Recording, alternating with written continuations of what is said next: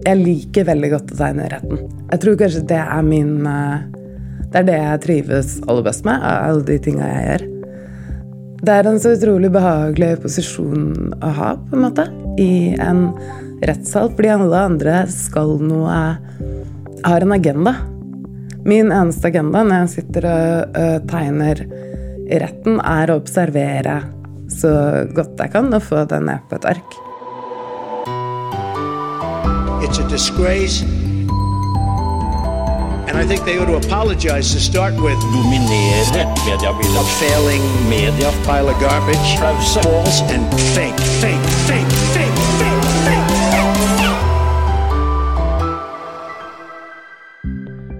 Når eh, fotografene blir bedt om å legge bort kameraene, det er da dagens gjest finner fram pennen. Arne Hem har fulgt utallige rettssaker og tegner menneskene som pressen ikke får lov til å fotografere. Rettstegner, forfatter og journalist Ane Hem, velkommen til Pressepodden. Tusen takk for det. Takk for at jeg fikk komme.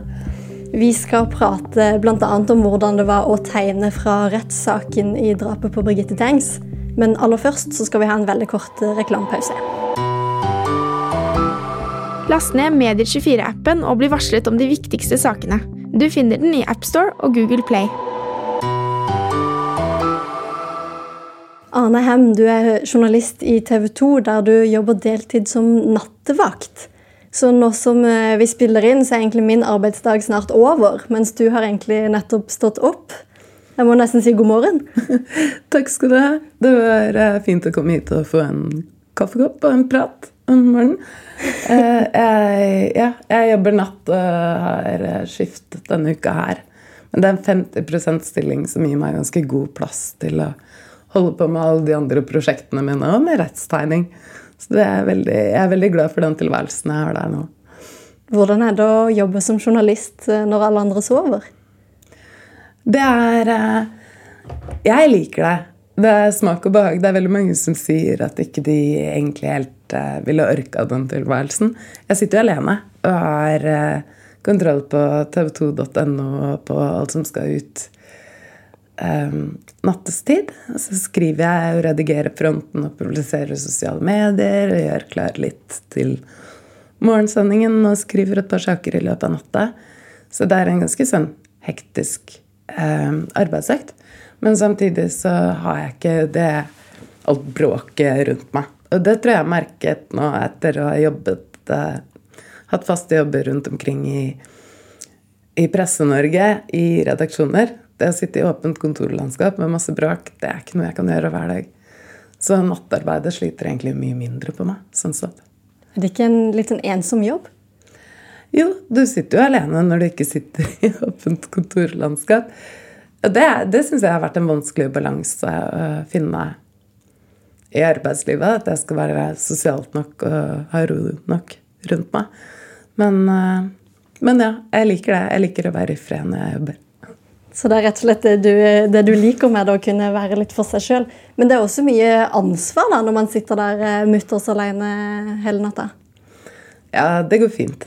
Jeg er trygg i det jeg gjør. Og ja. Eh, tryggere kanskje enn mange av de som begynner som nattevakter og skiftearbeidere rett fra eh, ferdig journalistutdannelse.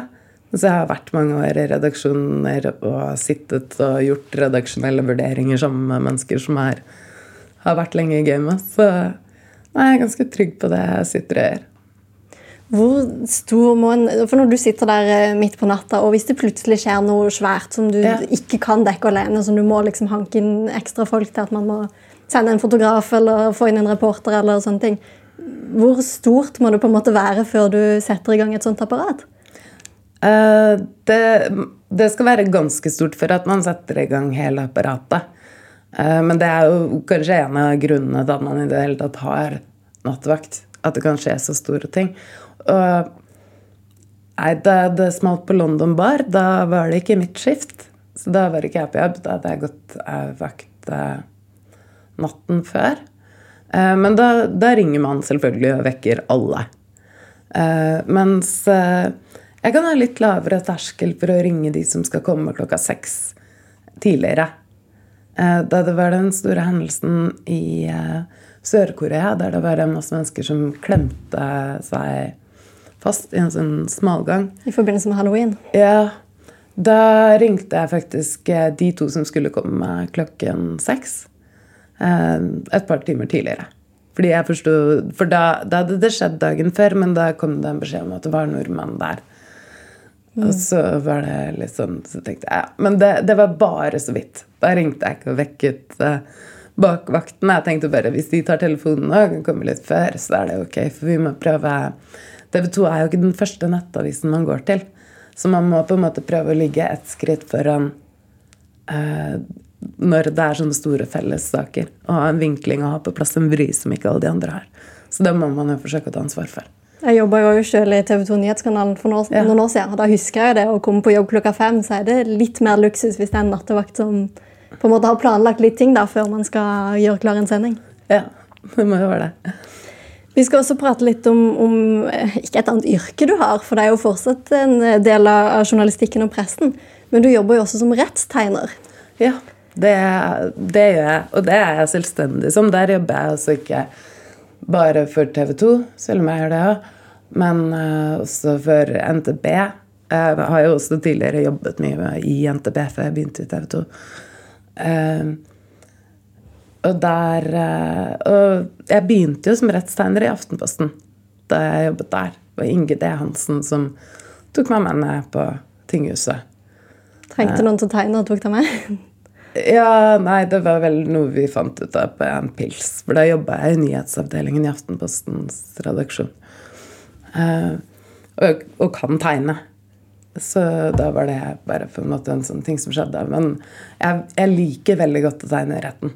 Jeg tror kanskje det er min eh, Det er det jeg trives aller best med, av alle de tinga jeg gjør. Eh, å sitte på en måte og ja, det er en så utrolig behagelig posisjon å ha, på en måte, i en rettssal, fordi alle andre skal noe Har en agenda. Min eneste agenda når jeg sitter og tegner i retten, er å observere så godt jeg kan og få det ned på et ark. Og så er det innenfor en deadline. Det er også veldig bra for meg. Hvis du hadde bedt meg om å tegne et eh, perfekt portrett av en person, så hadde det tatt et par år. Hvis jeg ikke hadde fått sånn For da måtte jeg prøvd, og så nei. Så, ja. så det å bare Det er også noe jeg finner en ro i. da. Nå har du så lang tid som du har. Dette er vinkelen. Det var der det var plass. Skvisa inn mellom disse to journalistene. Og, og gjør så godt du kan. Tegner Det det kommer rett på TV. så det er sånn Ja, da kan man på en måte bare gi opp og være nervøs eller få til noe perfekt. Det er veldig deilig. Vi skal snakke spesielt om en sak som har gått nå, eh, som det kom dom i denne uka her. Mm. For i høst og før jul så gikk det jo en rettssak i Haugesund mot en mann som eh, var tiltalt for drapet på Birgitte Tengs. Og denne uka her så ble han dømt til 17 års fengsel, men han har anka dommen. Eh, Og bare sånn før vi begynner å prate om saken, eh, eller ikke saken, men pressedelen av saken, så vil jeg bare si at eh, Medier24 har gjort en vurdering på at vi ikke identifiserer denne mannen. Så når vi prater om det, så selv om det er mange som sikkert vet hvem han er, så prøver vi å liksom kalle han domfelte eller, eller mannen i 50-årene. Og grunnen til at vi gjør det, er litt forskjellige grunner, men hovedgrunnen er at dommen ikke er rettskraftig. Han har allerede meldt at han kommer til å anke den. Og så forstår vi jo at det er grunner for å identifisere den saken her, så det kan jo endre seg når dommen etter hvert blir rettskraftig. På et eller annet tidspunkt vil det jo komme en rettskraftig dom. Eh, Og så gjelder det jo for oss at vi er en bransjeavis som dekker pressen. Så hvordan mediene omtaler dette og presseetikken i det, er jo relevant for oss. Men akkurat siden han ikke er en del av pressen, så er det ikke relevant for oss hvem han er. Ja. Bare så at vi liksom har lagt hele det bildet der før vi begynner denne praten. Absolutt. For du har jo vært med eh, i enkelte dager av den rettssaken som var, eh, som tegner. Ja, for NTB. Så da er det jo mine bilder som dukker opp hos alle som ikke har en egen tegner. Det var vel eh, bare Ja, NRK hadde tegner der et par dager, tror jeg. Og så var det vel eh, en lokal tegner. Han var veldig eh, morsom å snakke med. Han hadde for øvrig dekket også den første Teng-saken. Så det var, eh, det var veldig spennende. Men ja, det var vel oss tre som satt der og tegna. Um, og ja, hva, hva skal jeg si om det? Det det er jo en forferdelig sak. Jeg skal prøve å huske på å ikke si navnet på han som nå er eh, dømt i tingretten. Jeg syns det er lettest å kalle ham for tiltalte. Kan vi kalle ham det? Han er jo på en måte, ja, han er domfelt i én instans, men ikke i den andre. Så ja. Så det er ikke rettskraftig. Ja, vi kaller han tiltalte. Vi kaller tiltalte, så får heller krimjournalistene der ute kjefte på oss eh, etterpå. Men da vet du man i hvem vi prater om, da. Ja. Han er, han er jo også tiltalt, selv om han er dømt. Så vi kan godt kalle han det. Eh, men eh, ja Hva skal jeg si om det? Eh, det var jo forskjellige avgjørelser som ble tatt om identifisering i de forskjellige mediene. Og jeg stussa veldig det først. Da jeg så at man skulle gå rett ut med navn og bilde i TV 2 og i VG. For det fikk jeg vite litt i forkant. At de hadde tenkt å gjøre det allerede da rettssaken starta. Ja, og samme med NTB. Da jobbet jeg jo for NTB, og NTB tok da kontakt med meg for å, å tegne. Um, det hadde vi egentlig snakket om allerede i mai. Jeg har et sånt førstemann til mølla-prinsipp på det der, og vi er ikke, det er ikke så mange av oss. Så det hadde vi avtalt ganske god tid i forveien. Uh, men, uh, men i hvert fall så skulle de levere til aviser som identifiserte, og aviser som ikke identifiserte. For Aftenposten blant annet identifiserte ikke, og de skulle også ha bilder. Eh, Så da skulle jeg på en måte gjøre begge deler. Ja, både, både tegne identifiserende og ikke-identifiserende tegninger. da. Ja, og det gjorde jeg jo. Eh, Men jeg syns jo likevel at det er en avgjørelse som jeg står ansvarlig for. At jeg velger å identifisere han når jeg tegner. Og det er også en del av den kontrakten som er sendt rundt til de som jeg jobber for som rettstegner, at jeg tar forbehold om at jeg kan si eh, nei takk.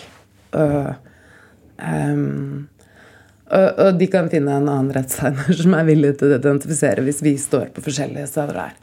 Så jeg syns jo alltid at jeg skal stå for det jeg gjør. Det syns jeg er viktig både som journalist og som rettstegner. At man tenker at jeg har eh, jeg, Hvis noen spør meg hvorfor jeg gjorde det, så kan jeg svare uten å bli flau.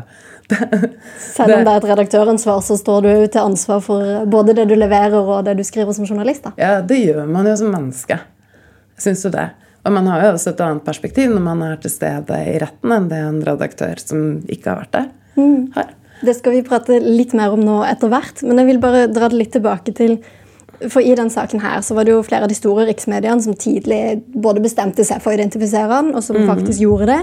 Eller Jeg la merke til at NRK gjorde det først da dommen i tingretten falt. Ja. Eh, Mens lokalavisene i området, og bl.a. Stavanger Aftenblad, har ikke identifisert han Ja. per dags dato.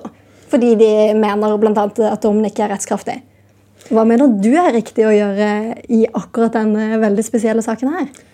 Jeg syns at man har eh, At det kan være riktig å ikke identifisere for de lokale mediene, så syns jeg det er en litt egen ting. Og det kan jeg godt nevne om etterpå, men skal prøve å få argumentene mine i riktig rekkefølge her. Eh, For det første så vil jo det å ikke identifisere innebære at man må holde tilbake en del informasjon. For det er jo ikke bare snakk om at man ikke gir et navn og et bilde, det er også snakk om at man må, må på en måte litt eh, skjule eh, ja, de tingene i saken. da. Hva slags bil, hvilke steder, bosteder. Eh, for eksempel så hadde jo tiltalt i denne saken en hundehobby nå. Altså, Alle mulige sånne detaljer som det vil kunne være identifiserende for hvem han er. Men det vil ikke bare kunne peke på han, det vil også kunne peke på andre personer. Hvis faktisk ingen hadde visst hvem han var, eller hvordan han så ut, så ville det kunne mistenkeliggjort andre. Så, og det ville jo blitt en mindre og mindre gruppe etter hvert som eh, etter hvert som man fikk mer og mer informasjon. Så enten så måtte man på en måte latt være å fortelle veldig mange ting. Eller så, eller så ville det blitt en snevrere og snevrere gruppe det kunne vært. Så i den hypotetiske situasjonen der folk der ute faktisk ikke visste hvem dette var, i det hele tatt, så kunne mistanken begynt å falle på feil personer. Og da måtte man jo tatt ansvar for det. Det tenker jeg ville vært spesielt utfordrende for de lokale mediene. Men nå er det i praksis ikke situasjonen. Um, og da tenker jeg at det er veldig fint at de lokale mediene sender et tydelig signal ved ikke å identifisere han. Og, og jeg tror ikke for meg at jeg, jeg opplever ikke det nødvendigvis som riktig pga. Uh, de punktene i Vær varsom-plakaten. Jeg opplever det som riktig fordi det er et slags signal om at vi Det er ikke vår jobb å sette folk i gapestokk. Selv om det er vår jobb å å dekke viktige kriminalsaker. Jeg syns de på en måte tar et standpunkt der da, om å verne identiteten uh, i det miljøet hvor også f.eks. familien hans bor, eller folk som har omgått og sånn bor, så er det et, det er mer en gest som har en effekt, som jeg tenker er veldig fin. Jeg liker at ikke de går helt ut med det veldig godt. Og jeg syns det har noe med at de er lokale å gjøre. At det er en fin måte å behandle det på. For i praksis så altså Hvem som helst kan jo gå på internett og finne ut hvem dette er, sånn som det er nå, da. Ja. Uh, og, derfor så blir det i, i, effekten av det de gjør, da, uavhengig av hva de har forklart det med, blir jo på en måte at de sender et sydlig signal om at dette betyr ikke at vi skal tapetsere dette området med bilder og personlige detaljer om han og familien. Dette er en alvorlig kriminalsak som vi skal dekke i den utstrekning det er nødvendig. Og, og, så verner de, på en måte. Jeg, jeg, skrev faktisk en kronikk om akkurat det med å henge ut uh, folk som er tiltalt, da Bertheussen-saken gikk. For der opplevde jeg at det ble, det ble litt for gjengs. Det ble litt for sånn normalt at man på en måte Ja, det føltes som en sånn digital gapestokk i den nye digitale offentligheten, hvor det var fritt fram til å gjøre narr og, og, og kaste metaforiske automater på den som sto fram. da. Eh, og som ikke hadde noe annet valg enn å stå i offentligheten fordi vi har en transparanse i rettsvesenet. For at vi skal kunne fortsette å fortjene den transparensen vi faktisk har, i strafferetten i hvert fall, eh, så tenker jeg at vi må prøve å oppføre oss. Og det, det, det er veldig viktig. Eh, men prøve å oppføre oss Mener du at norsk presse ikke oppfører seg godt nok når det gjelder å dekke norske rettssaker? Nei. Jeg mener at uh, at f.eks. Twitter og andre sånne store samtaleflater der alle kan si hva de vil, og dele og på en måte reframe hvordan de vil, kan, uh, kan være et sted hvor det oppstår mye mobbing. Og det blir uh, av tiltalte på usaklige måter. Uh, og det er å ikke oppføre seg. Og jeg tenker at Det er veldig viktig at mediene går foran med et godt eksempel og viser på en måte hvordan vi skal omtale uh, de som er tiltalt. Og så er det overhodet ikke vår jobb å dømme dem, heldigvis. Uh, det hadde jeg syntes hadde vært fryktelig slitsomt hvis jeg skulle måtte gjøre meg opp en mening. Det er veldig deilig at det er domstolen som gjør det. Det er de men, som dømmer. Ja, men, men det er mange som ikke syns det er så fryktelig slitsomt å gjøre det, som bestemmer seg litt fort. så ja. Last ned Medier24-appen og bli varslet om de viktigste sakene. Du finner den i AppStore og Google Play. Du nevnte jo Bertheussen-saken og ja. Tengs-saken som var øh, nå nylig. Dette er jo eksempler på rettssaker som har et enormt sånn presseoppmøte. Ja. Hvordan er det da for det å komme inn og, og ikke liksom skal gå live om en halvtime, men faktisk liksom følge ting kanskje over lengre tid, men uten det der eh, publiserings... Eh, at du skal på en måte analysere og skrive og, og den delen der? Uh, ja, jeg, jeg begynte, da jeg begynte uh, som rettstegner, så ble jeg ofte bare sendt Jeg blir jo sendt i sakene når det er tiltaltes forklaring helt i starten, man skal få ut de første bildene. Så sitter jeg kanskje litt til, så jeg får på en måte hørt starten. Um, men eh, jeg reflekterer veldig mye rundt det jeg hører, og jeg trenger det ikke til en umiddelbar overskrift og utsendelse. Og så, og så blir det på en måte et lite miljø i alle rettssaker. Etter hvert som dagene går. Man kanskje går og tar en kaffe der, og der sitter de sakkyndige også, eller man treffer vitner, man kan betale fot med alle i, i rettssaken og kan på en måte begynne å stille litt spørsmål. Jeg er helt grenseløst nysgjerrig. Eh, det, jeg syns det har vært utrolig fint å ha det rommet til å være nysgjerrig. Altså for at det er norsk rett som et veldig veldig åpent sted. Eh, man kommer og spør, og man får svar. Eh, men jeg har jo skrevet en bok som er der jeg har gått inn og på en måte lett videre da, med utgangspunkt i alle de spørsmålene jeg ble sittende med. Og der har jeg dekket flere rettssaker i sin helhet der det ikke har vært noen, noe annen presse til stede. Jeg dekket flere av de siste Eller jeg var i flere av de siste jurysakene. Ja, før, før de slutta med juryordning. ja, den, det siste halvåret der så da tegnet jeg de siste juryene. Blant annet et prosjekt for Justismuseet for å dokumentere eh, det som er på en måte slutten på en eh, epoke da, i norsk rettsvesen. Eh, og da fikk jeg dekket veldig mange sånne små saker som vi aldri er innom. Det syns jeg var helt uh, utrolig fascinerende. Uh, Den aller siste jurysaken, ikke Jensen-saken som ble avsagt dom etter slutt, men den siste som ble startet av, som ble satt like før jul, det var, en, det var et slagsmål i en taxikø.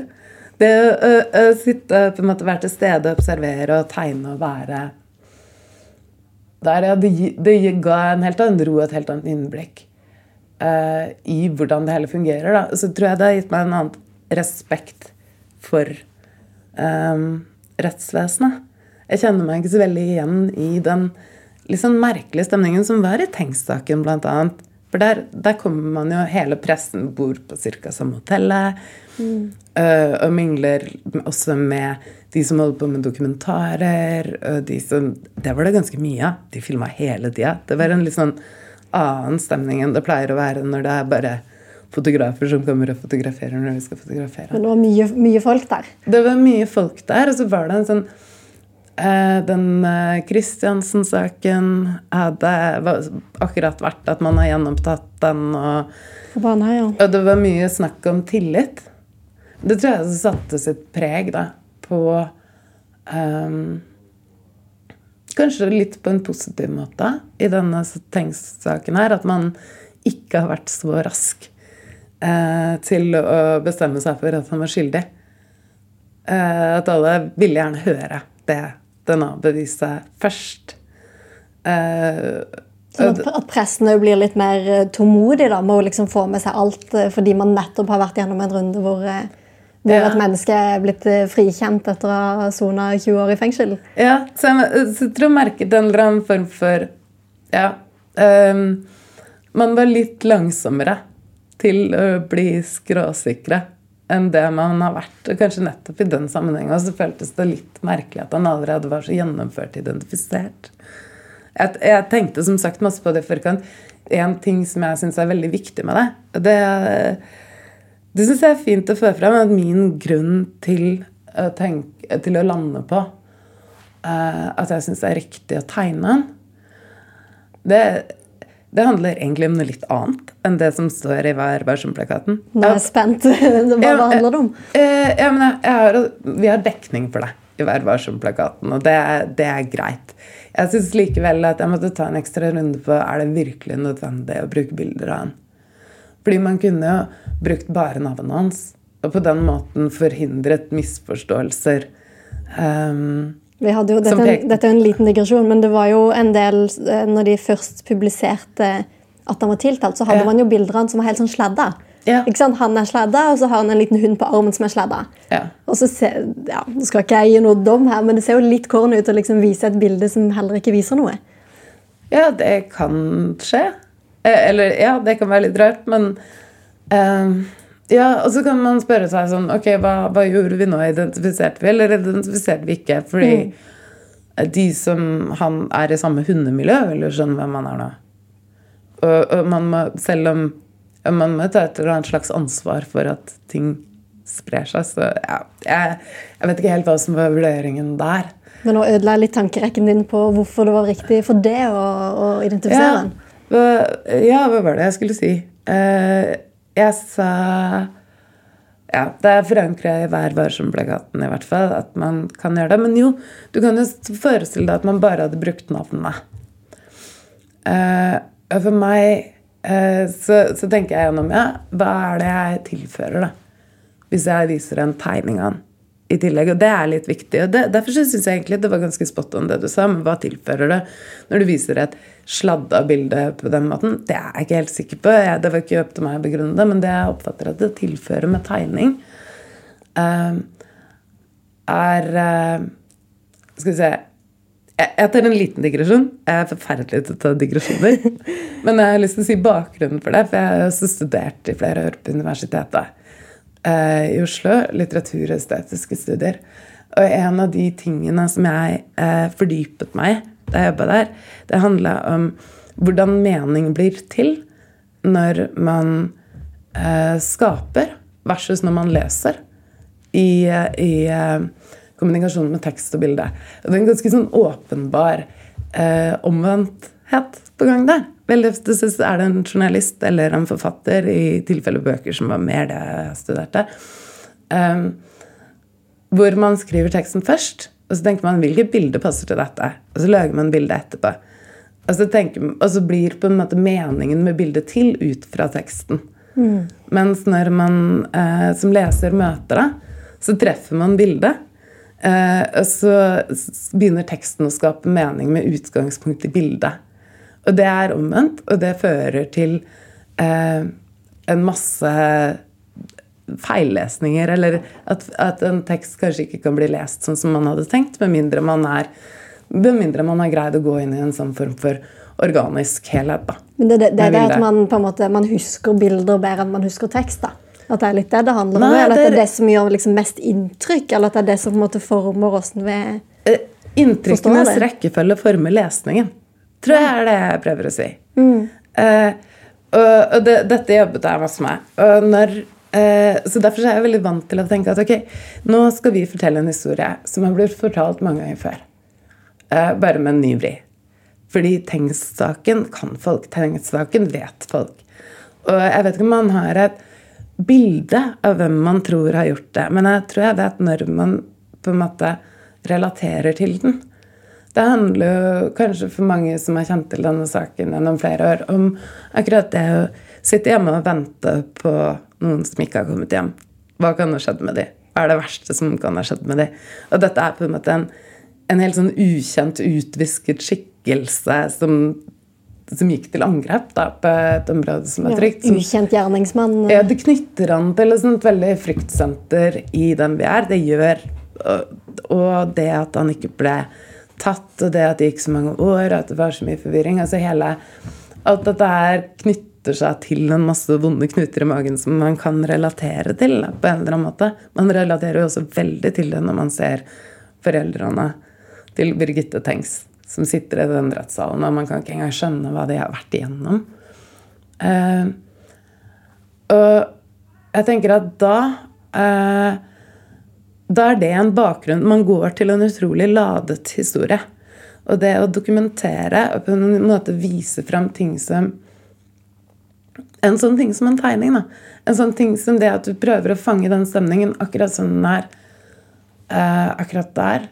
Og formidle Eh, jeg, når jeg tegner, så sitter jeg ikke og tenker nå skal jeg formidle dette. Jeg sitter og på en måte ser det mennesket jeg har foran meg, og forsøker å se hva slags vaner de har. Forsøker å se på en måte hva slags uh, typiske trekk uh, Hva som er typisk for dem, hva slags bevegelser de gjør. Og det samme kan kanskje skje i en tekst. At man kommer med de små overraskende detaljene som gjør det menneskelig. Jeg tror ikke nødvendigvis at det eh, forklarer, men jeg tror det hjelper oss å skape en form for nytt refleksjonsrom. da. At vi, at vi, trenger å på en måte se det menneskelige i det for å for, Ikke nødvendigvis forstå en sak, men vi trenger å se det menneskelige i det for å ikke være forutinntatte. Ja, øh, delvis. Øh, men også det, det, er kanskje også sånn som jeg har merket selv på forskjellen på hva jeg ser øh, hva jeg ser for meg når jeg leser en tiltale, f.eks., før jeg har hørt eller sett noe som helst på en sak. Det høres jo ofte helt grotesk ut. Og jeg tenker Hvem kan ha gjort det her? Dette skrev, skrev jeg altså en refleksjon rundt i den boka som jeg har gitt ut akkurat da korona kom. Eh, men eh, første gang jeg var på vei til en overgrepssak, beskrivelsen av fire personer som hadde gått sammen og liksom misbrukt små barn og skulle trekke inn hunder i å misbruke små barn. Jeg bare Hva det Dere Hvem er dere? Eh, så, man klarer jo ikke å se for seg det eller relatere det til vanlige personer. Eh, og synet mitt på hele saken og på hvem de menneskene var, var helt annerledes da jeg gikk ut derfra. Eh, Men jeg fikk jo lov å være til stede der fysisk og se alle detaljene og høre allting. Og det er noe med at det åpner opp, da. Det åpner opp et refleksjonsrom idet du får se et ansikt, eller se at det er et menneske som går i vanlige klær, eller som kanskje ligner på noen, eller Ja. Jeg, jeg tror ikke det jeg tror ikke det nødvendigvis kan fortelle hvem de er, men det kan i hvert fall åpne et refleksjonsrom som fra før var veldig lukka, f.eks. i Tengs-saken. Uh, og det, dette står det jo ingenting om i Vær varsom-plakaten. At det er en god grunn til å identifisere. Men for meg så handler det om det at man, man skal forsøke å åpne det rommet. Det er vel stort sett det jeg alltid vil når jeg jobber enten som journalist eller som forfatter eller som tegner, at jeg vil åpne opp rom der folk kan tenke. Litt uh, kontrært til uh, å være tabloidjournalist, kanskje. Men på en annen side så vil jeg gjerne åpne et rom, opp rom til at folk kan tenke selv et annet sted enn inni min egen akademiske boble. Da. Så det er sikkert derfor jeg ikke sitter på Blindern ennå. Men, men det her, Du var litt inne på det, men dette med Man får liksom en, eh, et inntrykk av hvordan noen er fordi man har hørt historien om da feil person var tiltalt, eller man har alle disse følelsene eh, som man kjenner igjen med å være bekymra for et barn som ikke kommer hjem, og det er en vond sak, og, og alt det her. Men hvordan påvirker det deg når du da mm, kommer inn i rettssalen og faktisk skal tegne disse menneskene? Uh, jeg vet ikke. Uh, jeg, det har jeg lurt på. Uh, I utgangspunktet så sitter jeg bare Altså jeg har med meg en hel sånn derre kasse med forskjellige Jeg bruker sånn litt blanda teknikk, pastell, kritt og forskjellige ting, og sitter og griser noe helt forferdelig. Det kommer sånn der støv overalt, og jeg har eh, Jeg har et helt håndverk å gjøre. Så det er jo litt fokuset mitt. Altså, eh, når man tegner, så er det på en måte eh, Jeg veksler mellom to forskjellige blikk. Og det ene blikket tenk, eh, Og jeg tenker jo at jeg gjør noe helt nøytralt. Jeg tenker jo at jeg gjør det samme håndverket om jeg tegner en person eller en bolle med frukt. Liksom. Det er eh, Jeg ser på flater, og jeg ser på lys, og jeg ser det som som har former som bryter mot hverandre. Når jeg skal tegne noen som sitter i retten, så tegner jeg også noen som er i bevegelse. Så da vil jeg tune veldig inn på å observere hvordan eh, Hva slags bevegelser de har, og, og hvordan de er. Jeg sitter som regel ganske likt som de. Blir fryktelig stiv i skuldrene og må tøye pausene når det er noen som sitter og er veldig anspent. For da sitter jeg så, sånn anspent når jeg tegner det. Eh, så et eller annet gjør det vel. Men jeg sitter først og fremst der helt åpen på nysgjerrig på hvem de er, og uten noen form for tilknytning til hva som kan ligge bak. Det var noen som hadde gjort et intervju, det var til TV. Jeg bare så TV-saken da. Og da bare la jeg sånn merke til hvordan de forskjellige personene som uttalte seg, var vinkla. Ikke Ja. sant? Den som var på en måte den det var synd på i saken, Ja. det var liksom ganske nøytralt vinkla bilde. Og Ja. den som var liksom eh, makta, eller maktpersonen i saken, eh, var filma litt nedenifra.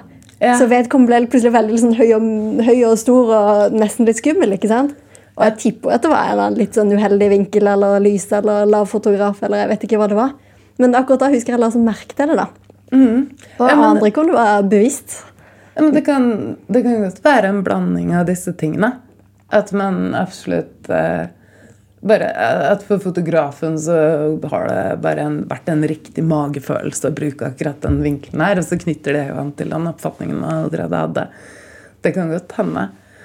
Jeg vil bare sånn For å, for å runde av, for du er jo eh, journalist, du jobber natt, du er rettstegner eh, når det trengs, eh, og du er jo forfatter. Ja. Hva blir dine neste bokprosjekter? Uh, uh, ja, jeg kommer ut med en bok som er en slags true crime, som kom ut i 2020 på Aska, uh, som heter 'Et spørsmål om skyld'. Eh, men eh, de to neste De to prosjektene jeg jobber med nå, er litt annerledes. Jeg kan nevne at det er litt farlig å begynne å snakke om bokbøkene før den datoen er satt. det er ferdig. Men eh, jeg har fått støtte fra Norsk institutt for journalistikk til å skrive om bl.a. bruk i mediene. Altså, ja. Eh, Så jobber jeg med en annen bok. Den, den kan vi snakke om når den kommer. Den kan vi snakke om når den kommer. Da ønsker vi deg lykke til med prosjektene, i hvert fall. Og tusen takk for at du var gjest her i Presspodden, Ane Hem. Takk skal du ha. Mitt navn er Kristine Sterud. Ansvarlig redaktør i Medie24 er Cornelia Kristiansen. Og teknisk ansvarlig er Sebastian Manrikes.